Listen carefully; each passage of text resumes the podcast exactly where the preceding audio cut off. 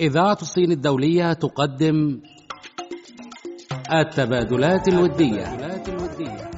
نحن نبني جسورا من الصداقة بين الصين والعالم العربي ونرصد أهم المستجدات في العلاقات الصينية العربية. برنامج التبادلات الودية عبر إذاعة الصين الدولية. السلام عليكم ورحمة الله تعالى وبركاته. مستمعين الأعزاء أسعد الله أوقاتكم بكل خير وأهلا وسهلا بكم معنا في حلقة جديدة من برنامجكم الأسبوعي تبادلات ودية الذي اعتدتم متابعته عبر أثير إذاعة الصين الدولية. في بداية هذه الحلقة تقبلوا تحيات زميلتي عائشة تشانشي في الإعداد والإخراج هذه تحياتي في التقديم عبد الرحمن والسيدي محمد. التاريخ العريق. الرموز القديمة. الثقافات المتنوعة. الفنون الجذابة. إذاعة الصين الدولية تقدم لكم. الصين الجميلة مستمعينا الأعزاء في بداية حلقة اليوم نقدم لكم بعض الأخبار والتقارير حول التبادلات الودية بين الصين والدول العربية.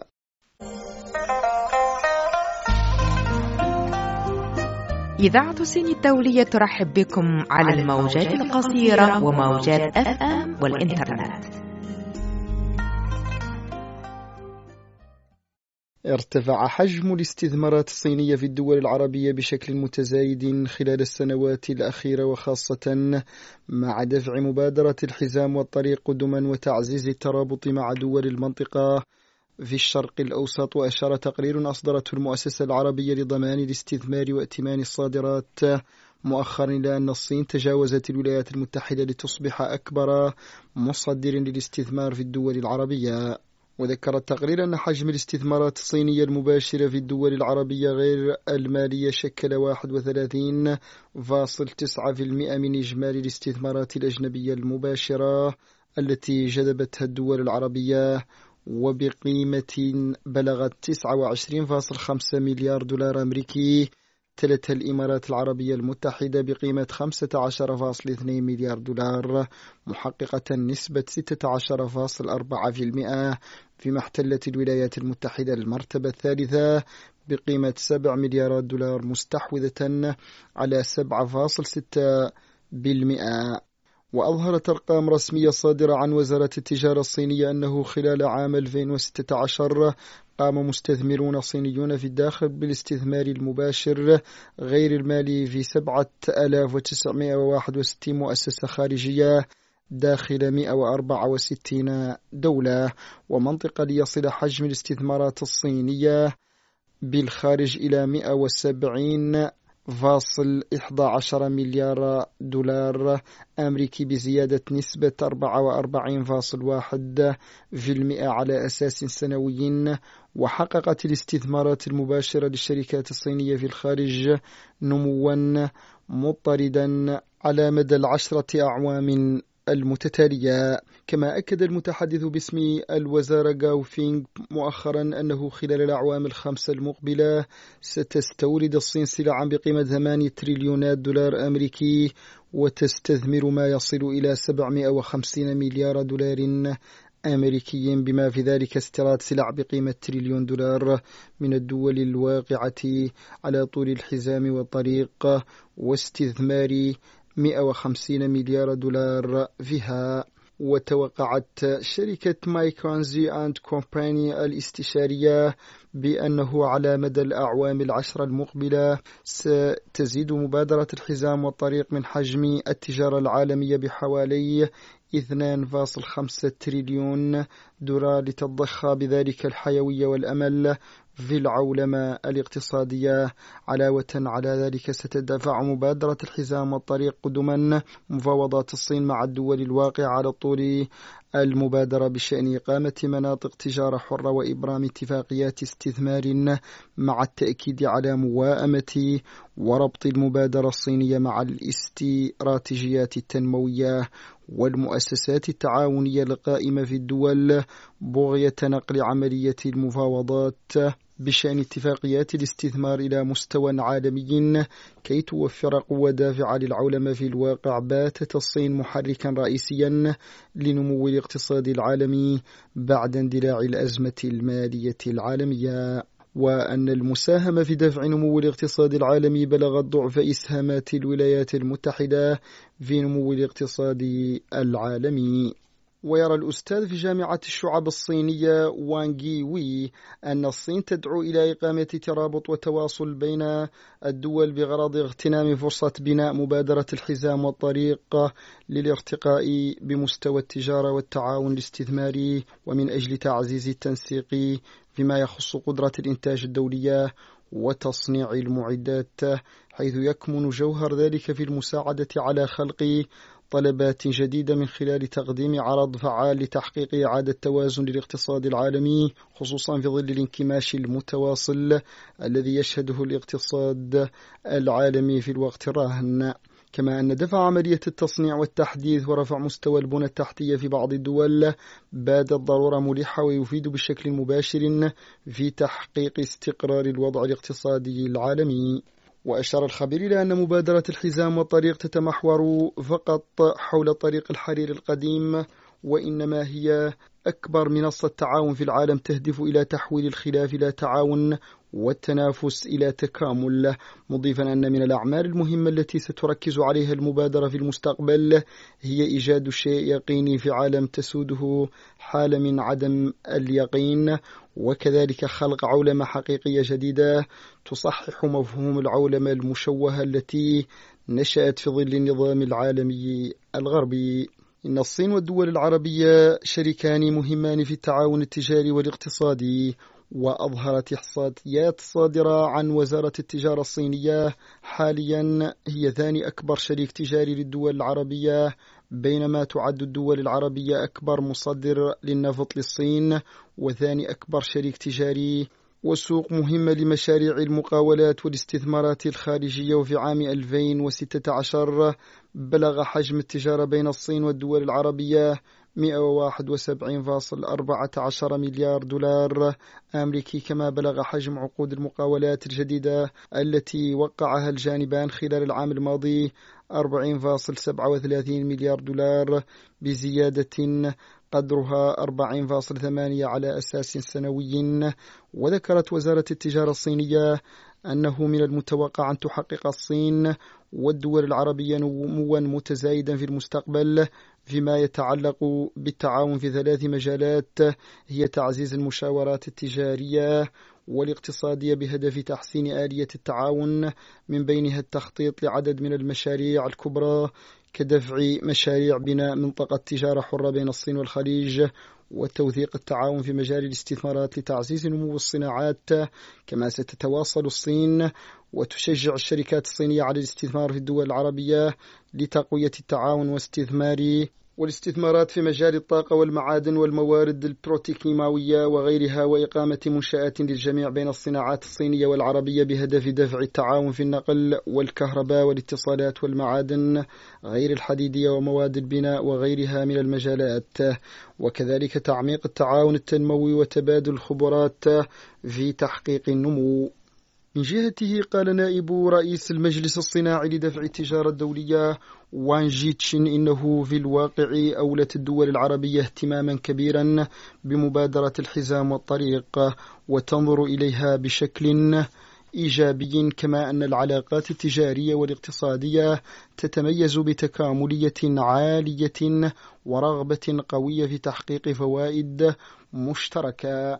مضيفا أنه في العام الماضي ارتفعت نسبة الشركات الصينية المشاركة في المعارض التي نظمها المجلس في الدول الواقعة على طول الحزام والطريق بنحو 63 في المئة على أساس سنوي فيما زادت مساحات العرض المخصصة لهذه الشركات بنسبة 80% الأمر الذي يبين العزيمة الراسخة لهذه الشركات اتجاه تعزيز التعاون مع الدول الواقعة على طول المبادرة.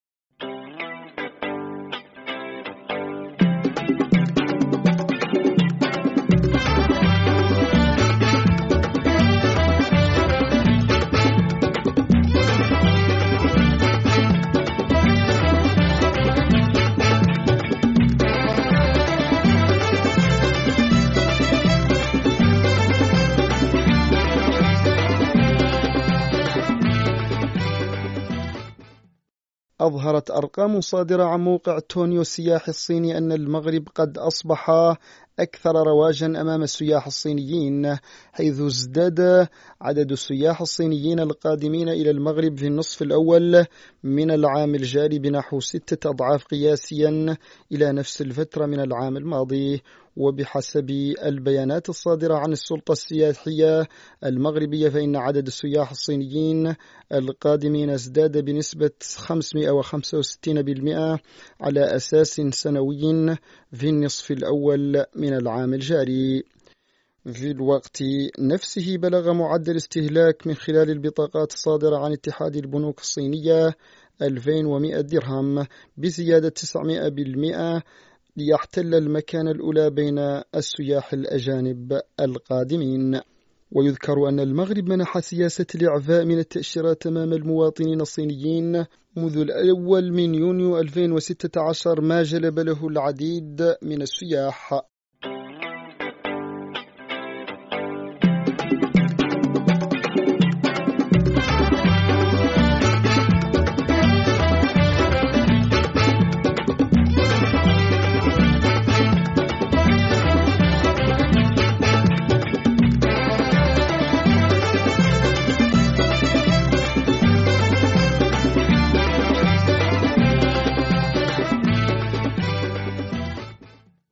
أقيمت مراسم لإصدار سلسلة من الكتب باللغة العربية قراءة الصين في الثاني من أغسطس الحالي في مكتبة القاهرة الكبرى بمصر بحضور الملحق الثقافي بالسفارة الصينية لدى مصر شيو وون ومدير المركز الثقافي الصيني بالقاهرة حسانين وعدد من الكتاب والمترجمين المصريين الشباب. وقال حسانين خلال المراسم إن هذه هي المرة الأولى التي تصدر فيها كتب قراءة الصين في مصر بهدف تعريف القراء العاديين في مصر على وضع التطور الاقتصادي ومجتمع وآداب الصين وتوفير معلومات مباشرة للخبراء الباحثين في القضايا الصينية. مشيرا إلى أن هذه الكتب ترجمت من اللغة الصينية إلى العربية مباشرة مما يغير الطريقة القديمة لبحث الصين بصورة غير مباشرة من خلال المعلومات باللغات الأجنبية.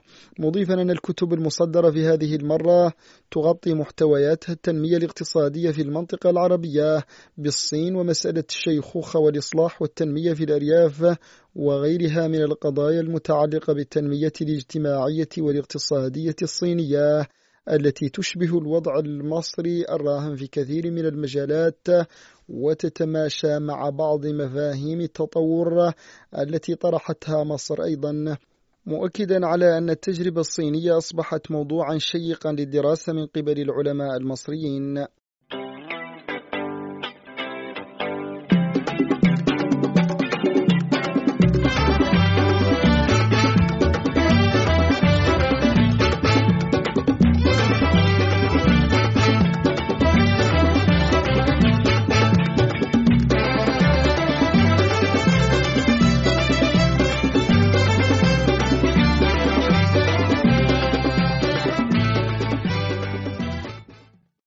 انطلقت فعاليات الألعاب العسكرية الدولية 2017 في كل من منطقة شينجيانغ الويغورية ذاتية الحكم الواقعة شمال غرب الصين ومقاطعتي جيلين في شمال الصين وهوبي بوسط البلاد. في الثلاثين من يوليو الماضي بمشاركة 23 فريقا من عشر دول بما فيها جمهورية مصر ما يعكس تعمق التبادل والتعاون العسكري بين الصين والدول العربية. وبات من الواضح أن الصين تحرص على تعزيز التعاون الشامل مع الدول العربية في مجالات مختلفة مثل التعاون العسكري خصوصا بعد إصدارها أول وثيقة رسمية توضح السياسات الصينية تجاه الدول العربية في يناير من عام 2016 وبمقتضى الوثيقة تخطط الصين لتعميق التعاون والتواصل في المجال العسكري مع الدول العربية إلى جانب تعزيز الزيارات المتبادلة بين القيادة العسكرية لدى الجانبين. وتوسيع دائرة التواصل بين العسكريين وتعميق التعاون في الأسلحة والعتاد ومختلف التقنيات المتخصصة وإجراء تدريبات مشتركة بين القوات المسلحة فضلا عن مواصلة دعم بناء الدفاع الوطني والجيوش للدول العربية من أجل صيانة السلم والأمن في المنطقة. ومنذ صدور الوثيقة سارعت الصين إلى تعزيز التعاون العسكري مع الجانب العربي بوتيرة أكبر. فعلى سبيل المثال غادرت سفن تحمل مجموعة من العسكريين من الجيش الصيني مقاطعة غواندونغ جنوب الصين في الحادي عشر من يوليو السابق لإقامة قاعدة دعم في جيبوتي بما يمثل خطوة ضخمة للجيش الصيني في عملية التبادل العسكري الخارجي. وذكرت البحرية الصينية أن إقامة القاعدة في جيبوتي قرار صادر من الدولتين بعد مفاوضات ودية وستقوم القاعدة بتأمين المهام الصينية مثل المرافقة وحفظ السلام والمساعدات الإنسانية في إفريقيا وغرب آسيا. وستساعد القاعدة أيضا في الأنشطة التي تتضمن التعاون العسكري والتدريبات المشتركة وعمليات إخلاء وحماية الصينيين في الخارج وكذلك الحفاظ المشترك على أمن الممرات المائية الاستراتيجية. لم تقتصر الصين على إجراء التعاون العسكري مع دولة أو دولتين من العالم العربي بل تولي اهتماما لتطوير العلاقات العسكرية مع مختلف الدول العربية. ففي الفترة من يناير إلى فبراير من عام 2017 قام أسطول البحرية الصينية بزيارات ودية لأربع دول خليجية.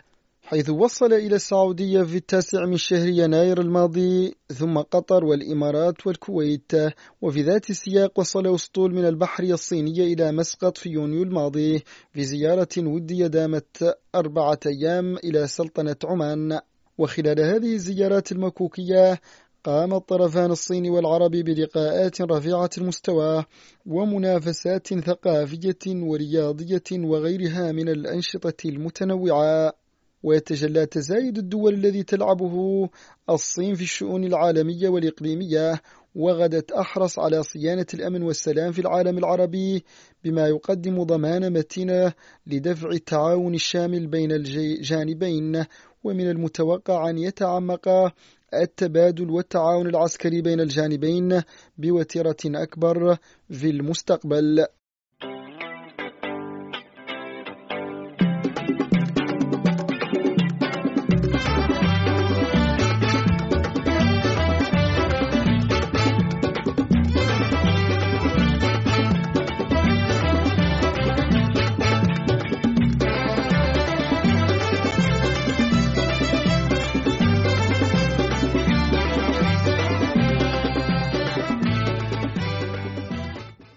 أهلا بكم مجددا مستمعينا الكرام مستمعي برنامج التبادلات الودية ولقاء هذه الحلقة مع الأستاذة الدكتورة ليلى أحمد أبو إسماعيل الأستاذ بالمركز القومي للبحوث وتجربة رائدة.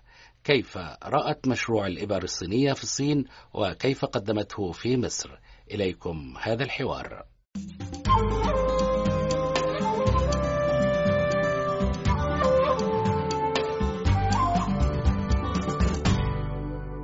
دكتورة في حوار سابق مع حضرتك تحدثنا عن خريطة عامة تدعو وتجعلنا نتعامل مع هذا الجسد أو مع المريض بطريقة الإبر الصينية، لكن هل هناك مجتمعات تصلح لها هذا العلاج؟ ومجتمعات لا تصلح لها يعني طبيعة أجسام، مشاكل مرتبطة بالبيئة، مرتبطة بالمكان يمكن أن يجدي في هذا المشروع مشروع الإبر الصينية أو هذا العلاج، وهناك مجتمعات يمكن أن تتجاوز هذا النوع من العلاج. آه الحقيقة دلوقتي الابر الصينية انتشرت في العالم كله. أنا من زياراتي للصين كل مرة كنت بلاقي أعداد الأجانب بتتزايد. الناس اللي هي جاية من أوروبا ومن أمريكا من أستراليا. الأول في أول ما رحت من عشر سنين كان كل اللي موجودين معايا آه من آه الدول النامية. إن كانت دايما الصين بتقدم زي دورات مجانية للناس اللي في الدول النامية عشان تنشر هذا النوع من العلاج. فكنت بلاقيهم من أفريقيا من دول الاتحاد السوفيتي. فكنت يعني ده كان الناس اللي أنا بقابلهم. آه. من يعني زياراتي المتكررة لقيت إن الطب الصيني أصبح يعني يجذب الأجانب. الأوروبيين الأمريكان وتعاملت مع أساتذة وقابلتهم في مؤتمرات لقيت إنهم عاملين يعني ان هم في أمريكا في مراكز للطب الصيني في إنجلترا في في أستراليا في كليات للطب الصيني ولقيت إن هذا النوع من العلاج منتشر في العالم كله. اذا هو علاج أصبح دوليا. دوليا طبعا. ولا يحتاج إلى خبراء لا أو لا ممارسين لا. صينيين لا لا لا اطلاقا. يعالجوا بهذه الطريقة. لا لا أصبح إطلاقاً. علم للبشر علم العلم للناس. طبعا في م. كل انحاء العالم آه. حتى في إيران كان أبحاث كتيرة جدا. قابلت آه، دكتورة من إيران. قالت لي إحنا بنشتغل بالإبر الصينية من زمان. ده زائد بقى طبعا جنوب شرق آسيا إن هم آه، طبعا قريبين من الصين ففي بينهم تبادلات. لكن أنا لقيته إنه انتشر في العالم كله. يعني أصبح إن هو ده آه، زي طب العصر لأن ما فيهوش أي يعني آثار جانبية. جانبية. دكتورة يعني الناس تتخيل الإبر الصينية التي لم تتعامل مع هذا النوع من العلاج. هو وخز بالإبر. يعني هل هل, هل وخز؟ نعم. هو فعل الوخز بمعناه المؤلم أم لا لا أم ليس مؤلم اطلاقا آه. بدليل إن الإبر دي آه، يعني آه، سمكها آه، رفيع جدا. يعني مثلا عايزه أقول لحضرتك مليمترات. آه. وبعدين كمان هي بتبقى ستانلس معمولة من نوع معين وبتخش في عمق معين. وطبعا لو حد خبير أنا بحط الإبر ممكن ما حدش يحس بيها خالص. ممكن تبقى في كل أنحاء الجسم لدرجة إن المريض بيسترخى وبينام أثناء الجلسة. يعني دي حضرتك مش هتصدق ان ممكن في كم الإبر دي ومن كتر ما هي بتدي الاسترخاء وبتدي آه، بتشيل التوتر العصبي منه آه، وبتطلع الطاقه ال- السالبه وبتدي له طاقة إيجابية بلاقي إن المريض بيسترخى. أنا كنت ما بشوفت الكلام ده. أنا كنتش مصدقة أما رحت الصين لقيت إن العنبر كله المرضى نايمين. عنبر النوم. آه آه، فحتى بقيت بقول لي إزاي ده فيهم كم الإبر دي ونايمين. آه. يعني الحقيقة كنتش مصدقة. فلحد ما أنا جربتها على المرضى بتوعي وخصوصا المرضى اللي عندهم توتر عصبي جامد وعندهم وقلة نوم ده طلعت إنها علاج رائع يعني هي النوم. ليست لل... لل... لل... للأمراض العضوية ولكن الأمراض أيضا نفسية اللي طبعا. لها علاقة بالنفس بال- بالنفسي والتوتر وكده يعني هي فعلا آه، بتدي استرخاء جامد وفي ناس كتير جدا أنا ما رحت يعني من زياراتي الأخرانية لقيت إن مرض التوتر العصبي والأرق والاكتئاب ابتدى ينتشر في الصين أو في الدول النامية وكده فعاملين عيادات مخصوصة للإبر الصينية لعلاج هذا التوتر مم. وطبعا في أوروبا وأمريكا ما بيحبوش الأدوية اللي هي الحاجات المنومة والحاجات اللي هي دكتورة هو. بيشتغل على الطاقة هو يحرك الطاقة في موضع الألم أو لو كان الإنسان متوترا أو قلقا ف... فيحرك الطاقة في الجسد في في حكاية فهل- الارق هو بيزود السيروتونين في آه. الدم أيوه يعني- فهل معنى ذلك أنها محددة بجلسات ومدة معينة فيحتاج المريض طبعا. إلى أن يكررها طبعا. يكرر آه، ده مرة أخرى آه. فيتحول إلى مرض مزمن لابد أن يعالجه لا لا لا. لا. هو دايما بيقولوا إن المريض عشان يشفى إن على الأقل لازم ياخد كورس كامل. الكورس بيساوي 12 جلسة. مهم. ده كورس مبدئي. وبعد كده بنعمله تقييم تاني نشوف إيه التحسن اللي جاله. يعني مثلا لو كان بيتعالج من خشونة الركبة وكانت الدرجة ممكن يكون خلاص ال- المرض انتهى العصب الخامس يكون أو العصب السابع يكون خلاص جاب نتيجة كويسه ممكن نكرر هذا الكورس نعمل كورس آخر لو كان لسه في آثار جانبية عشان آه، حماية. في ناس حتى في أوروبا بيروحوا يعملوا ابر صينية للوقاية من المرض. آه. يعني كمان اللي هو قبل ما المرض. أشبه بالتطعيم أو آه بالظبط. كده لأنه هو بيرفع المناعة مم. وده إن شاء الله المشروع الجاي بتاعي إن أنا ناوية أشتغل على المناعة أشوف إيه علاقة المناعة بالابر الصينيه وأنا قريت أبحاث كتير جدا منشورة في دول أوروبية إن له علاقة جامدة جدا بالمناعة وابتدوا يشتغلوا على القصة دي أنا اشتغلت على السمنة لأن المشروع ده هو اللي بي- بيشغل هذا هذا. يدعونا يا دكتورة أن نتحدث عن آه، المشروع الذي هو الأول من نوعه في الشرق الأوسط وهو علاج السمنة بالإبر الصينية ما هي السمنة الأول؟ يعني متى يقال أن شعب لديه أمراض سمنة؟ يعني ربما الشعب الأمريكي لديه بعض طبعا السمنة آه من أكتر الشعوب هل العالم. الشعب الصيني لديه سمنة؟ الحقيقة ما كانش عندهم يعني لكن من زياراتي المتكررة ابتديت نتيجة دخول برضو الحضارة الغربية عندهم بشكلها الاستهلاكي. والانفتاح آه. والوجبات السريعة ابتدوا الشباب يبتدوا برضو يقبلوا على الوجبات السريعة ابتدى يبقى فيه سمنة بس طبعا هي أقل من أي حتة تاني لأن بطبيعة الشعب ال- الغذاء بتاعهم غذاء صحي جدا ومنظمين جدا في أكلهم بياكلوا خضروات كتيرة قوي وعندهم آه، يعني طريقة فريدة في إعداد الأكل آه، إن هم بينقوا الحاجات اللي بتدي يعني مثلا المكون ده بيدي آه، يعني عندهم الثقافة مم. بتاعت إنهم ياكلوا الحاجة المفيدة. الثقافة دي مهمة جدا وحتى أي واحد بياكل بيبقى عارف. أنا أكلت المكون ده عشان ده بيدي طاقة ده بيدي بيقي من البرد ده بيدي كذا. هم فاهمين كويس قوي يعني إن ده الثقافة بتاعتهم. ما ياكلوش أي حاجة. وعند بياكل رغم إنهم بياكلوا مثلا ثلاث وجبات. فطار وغدا وعشاء مش إن هم زينا ممكن ياكلوا وجبة واحدة بس يقول لك أنا ما باكلش مم. ومع ذلك وبياكلوا كميات مم. لكن ما بيعنوش من السمنه لأنهم بياكلوا أكل صحي بياكلوا أكل صح مم. يعني- بينما المواطن المصري ممكن أن يذهب إلى عمل دون إفطار آه طبعا ثم يكتشف في نهاية اليوم أنه آه، ازداد وزنه بس لأنه. بيجي بالليل تعبان ومجهد مش قادر يعمل حاجة بياكل الوجبة قبل. النوم بياكل أي حاجة يلاقيها في وشه من كتر الجوع آه، أي حاجة ممكن ياكل أي حاجة ممكن ياكل نفسه آه لا هناك منظمين وجبات. ليلى دكتورة ليلى أحمد أبو إسماعيل يعني أنت صاحبة مشروع علاج السمنة بالإبر الصينية وهو الأول من نوعه في الشرق الأوسط حديث بتفاصيل أكثر عن هذا الموضوع لكن بعد هذا الفاصل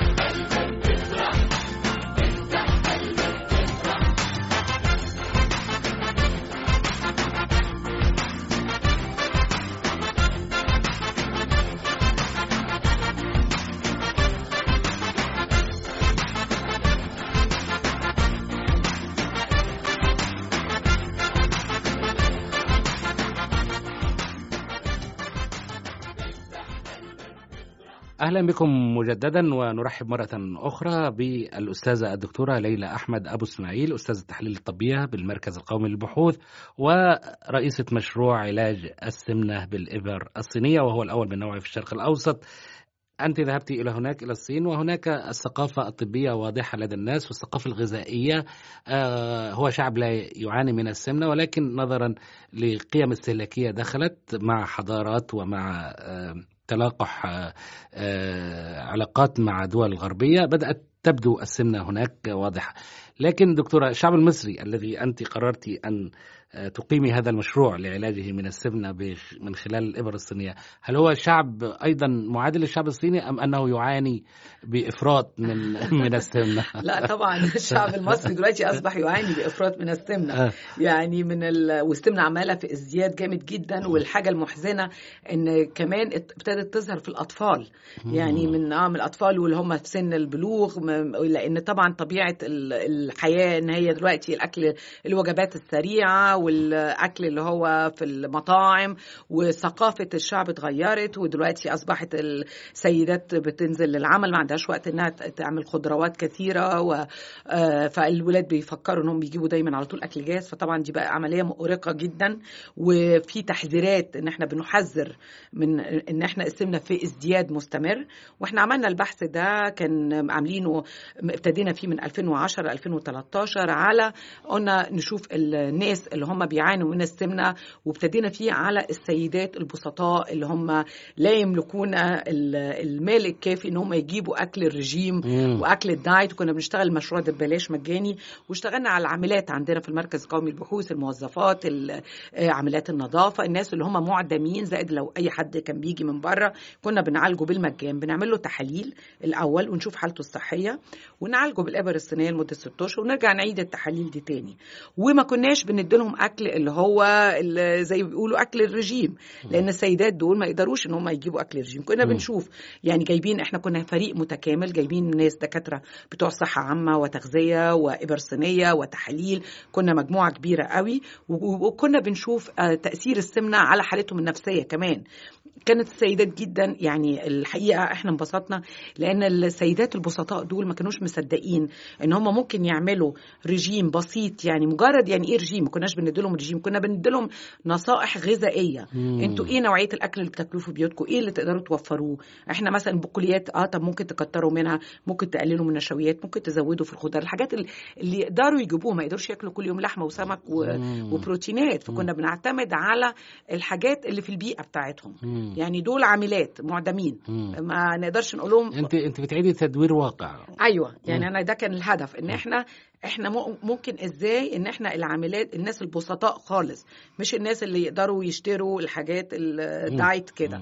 فالحقيقة اشتغلنا عليهم آه، لمدة ست اشهر وكنا بنديلهم النصائح وبنعالجهم بالابر الصينية وأهم حاجة التحاليل اللي عملناها لهم.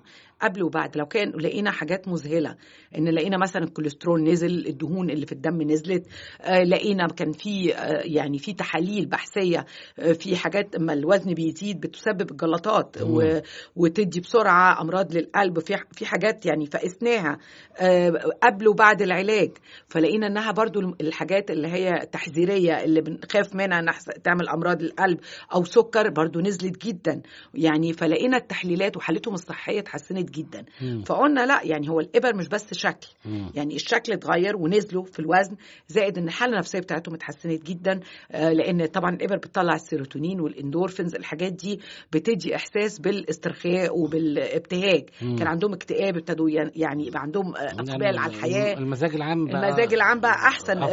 آه، كانوا بينتظموا جدا في الجلسات السمنة لها علاقة بالتوتر يا دكتورة طبعاً، طبعاً، يعني طبعاً إن- يعني هناك من يقلق فلا يأكل آه لا لا بالعكس إحنا عندنا الشعب المصري بيقلق فيأكل دي نسبة يعني أنا ما شفتهاش الذي لا يقلق الذي يقلق يأكل أكثر يعني وفي علاقة على فكرة آه. بين القلق وبين الاكتئاب آه. وبين مم. فإحنا كنا بنكسر السيركل دي الدايرة دي إن أنت ما الواحد حتى حتى لحظات الاضطراب السياسي للمجتمع بالعكس بياكلوا تعمل على. تعمل على حضرتك أنت لو في حتى كانت مقولات إن أول ما بيحصل ثورة على طول يعني وكانت الناس تنقطع عن العلاج ويجوا لي يبقوا زايدين جدا أوه. لأن هم قاعدين في البيت متوترين جدا قاعدين قدام التوك شو في التلفزيون بياكلوا بياكلوا بشراهة آه. فيطلعوا بعد فترة مثلا يبقوا محبوسين 15 20 يوم زايدين 4 5 كيلو مم. فحتى وقت ثورة يونيو الأخرانية كانوا بيطلعوا أفيهات على الفيسبوك إن آه. هو دلوقتي قبل الثورة وبعد الثورة آه. لو الست تخنانه 20 كيلو لا ويزيد ذلك الحظر أيضا آه وال- والحظر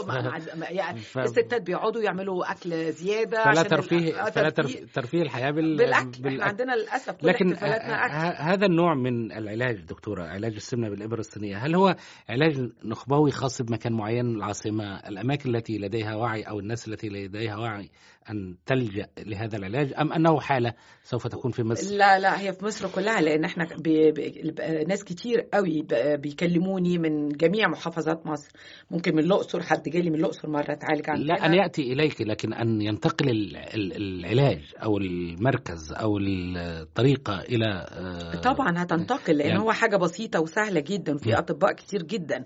في انحاء مصر كلها بي- بيقروا بيطلعوا وهم بيجوا ياخدوا دورات عندنا في المركز القومي بيروحوا يفتحوا في المحافظات عندهم. في محافظات كتير جدا فيها مراكز ابر صينيه دلوقتي بس يعني أنا عايزه أقول لحضرتك مشكلة الشعب المصري إن هو بيبقى عايز الحاجة السريعة. حتى الدكاترة اللي بتتعلم بتاخد القشور.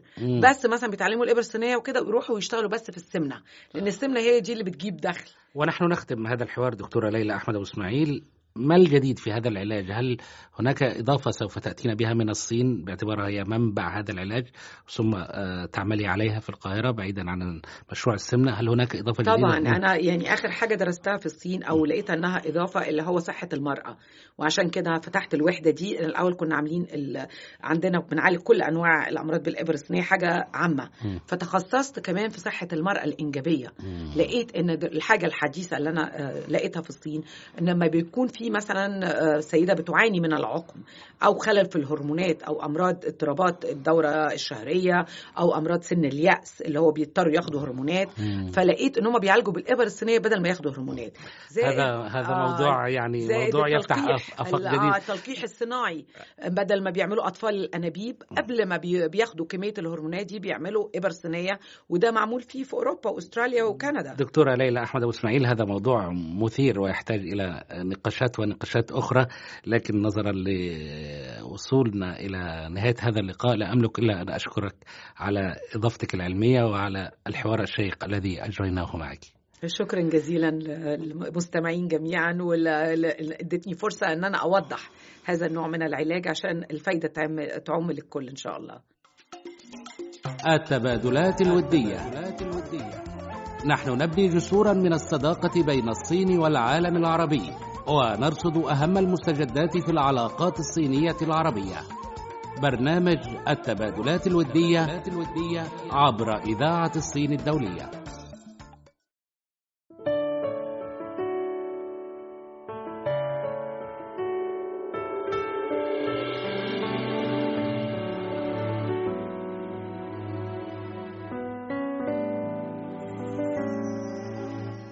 缓缓流动的时光，有过快乐和悲伤。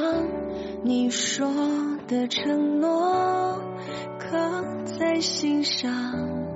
转眼间，只能想象你过得怎么样。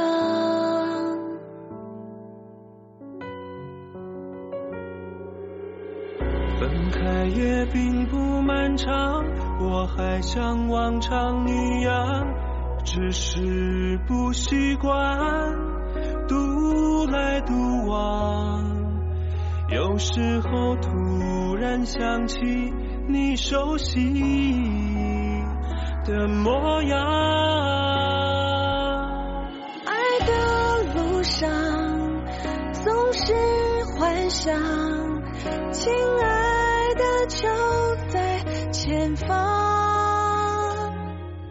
人来人往，也不会失望，耐心的等，等一双肩膀。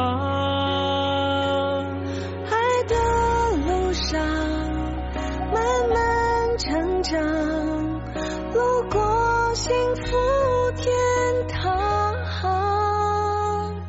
爱在身旁，总被人遗忘，回头发现我们都一样，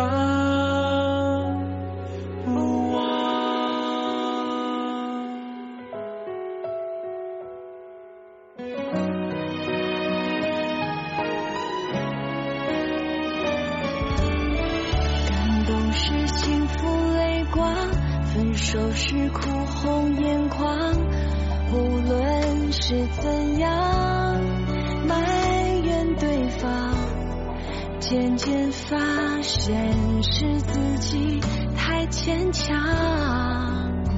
太匆忙。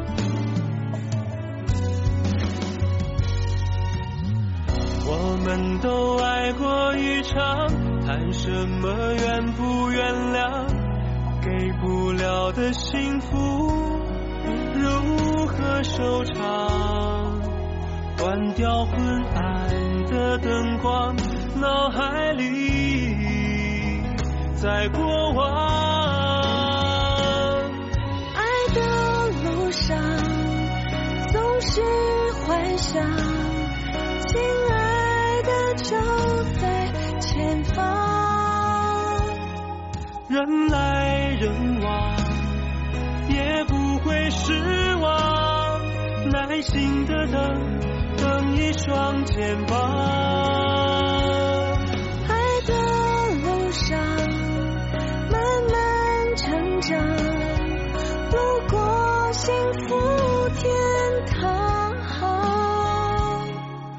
爱在身旁，总被人遗忘，回头发现我们都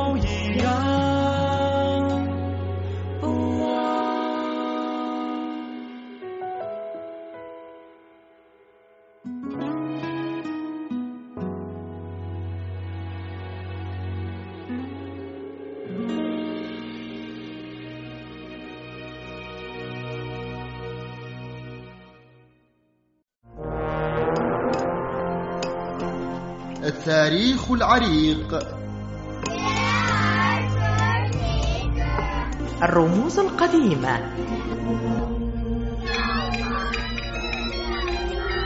الثقافات المتنوعة. الفنون الجذابة. إذاعة الصين الدولية تقدم لكم. الصين الجميلة مستمعين الأعزاء أهلا وسهلا بكم معنا في ختام حلقة اليوم. بعد هذا الفاصل الموسيقي الذي كنتم تستمعون إليه نأتي إلى نهاية حلقة اليوم. من برنامجكم الأسبوعي تبادلات ودية للاستماع للمزيد من المعلومات والأخبار حول التبادلات الصينية العربية. يمكنكم زيارة موقع إذاعة الصين الدولية على شبكة الإنترنت arabic.cri.cn شكرا على حسن متابعتكم وإلى أن نلتقي في حلقة قادمة وموضوع جديد. كانت معكم زميلتي عائشة تشانجي في الإعداد والإخراج ومعكم عبد الرحمن ولسيدي محمد في التقديم. أهلا وسهلا بكم في حلقة قادمة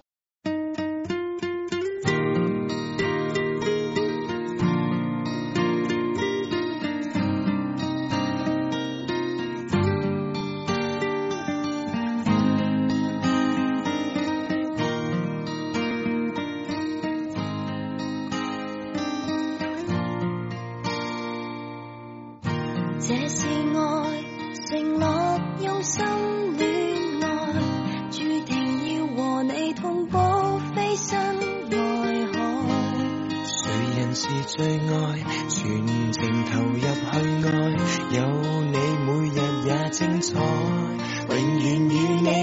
起，日後都只愛你，永遠的心動每日也令我回味。珍惜就像調味，能維係便銘記。愛你能教我幸福一世紀。Oh baby I love you, I love you every day。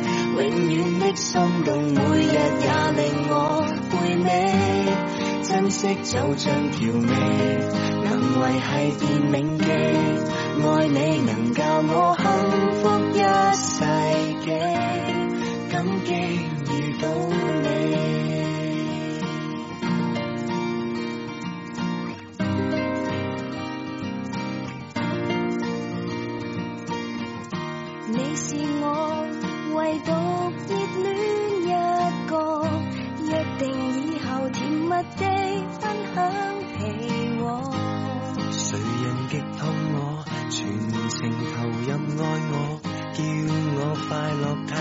楚。永远与你一起，日后都只爱你，永远的心动每日也令我回味，珍惜就像调味。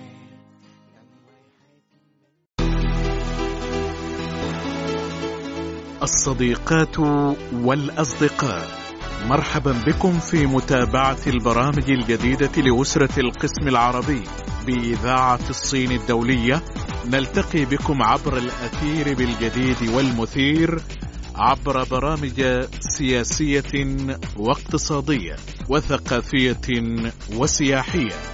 كما تتابعون آخر التطورات الاجتماعية وأحدث موسيقى البوب الصينية والموسيقى العربية.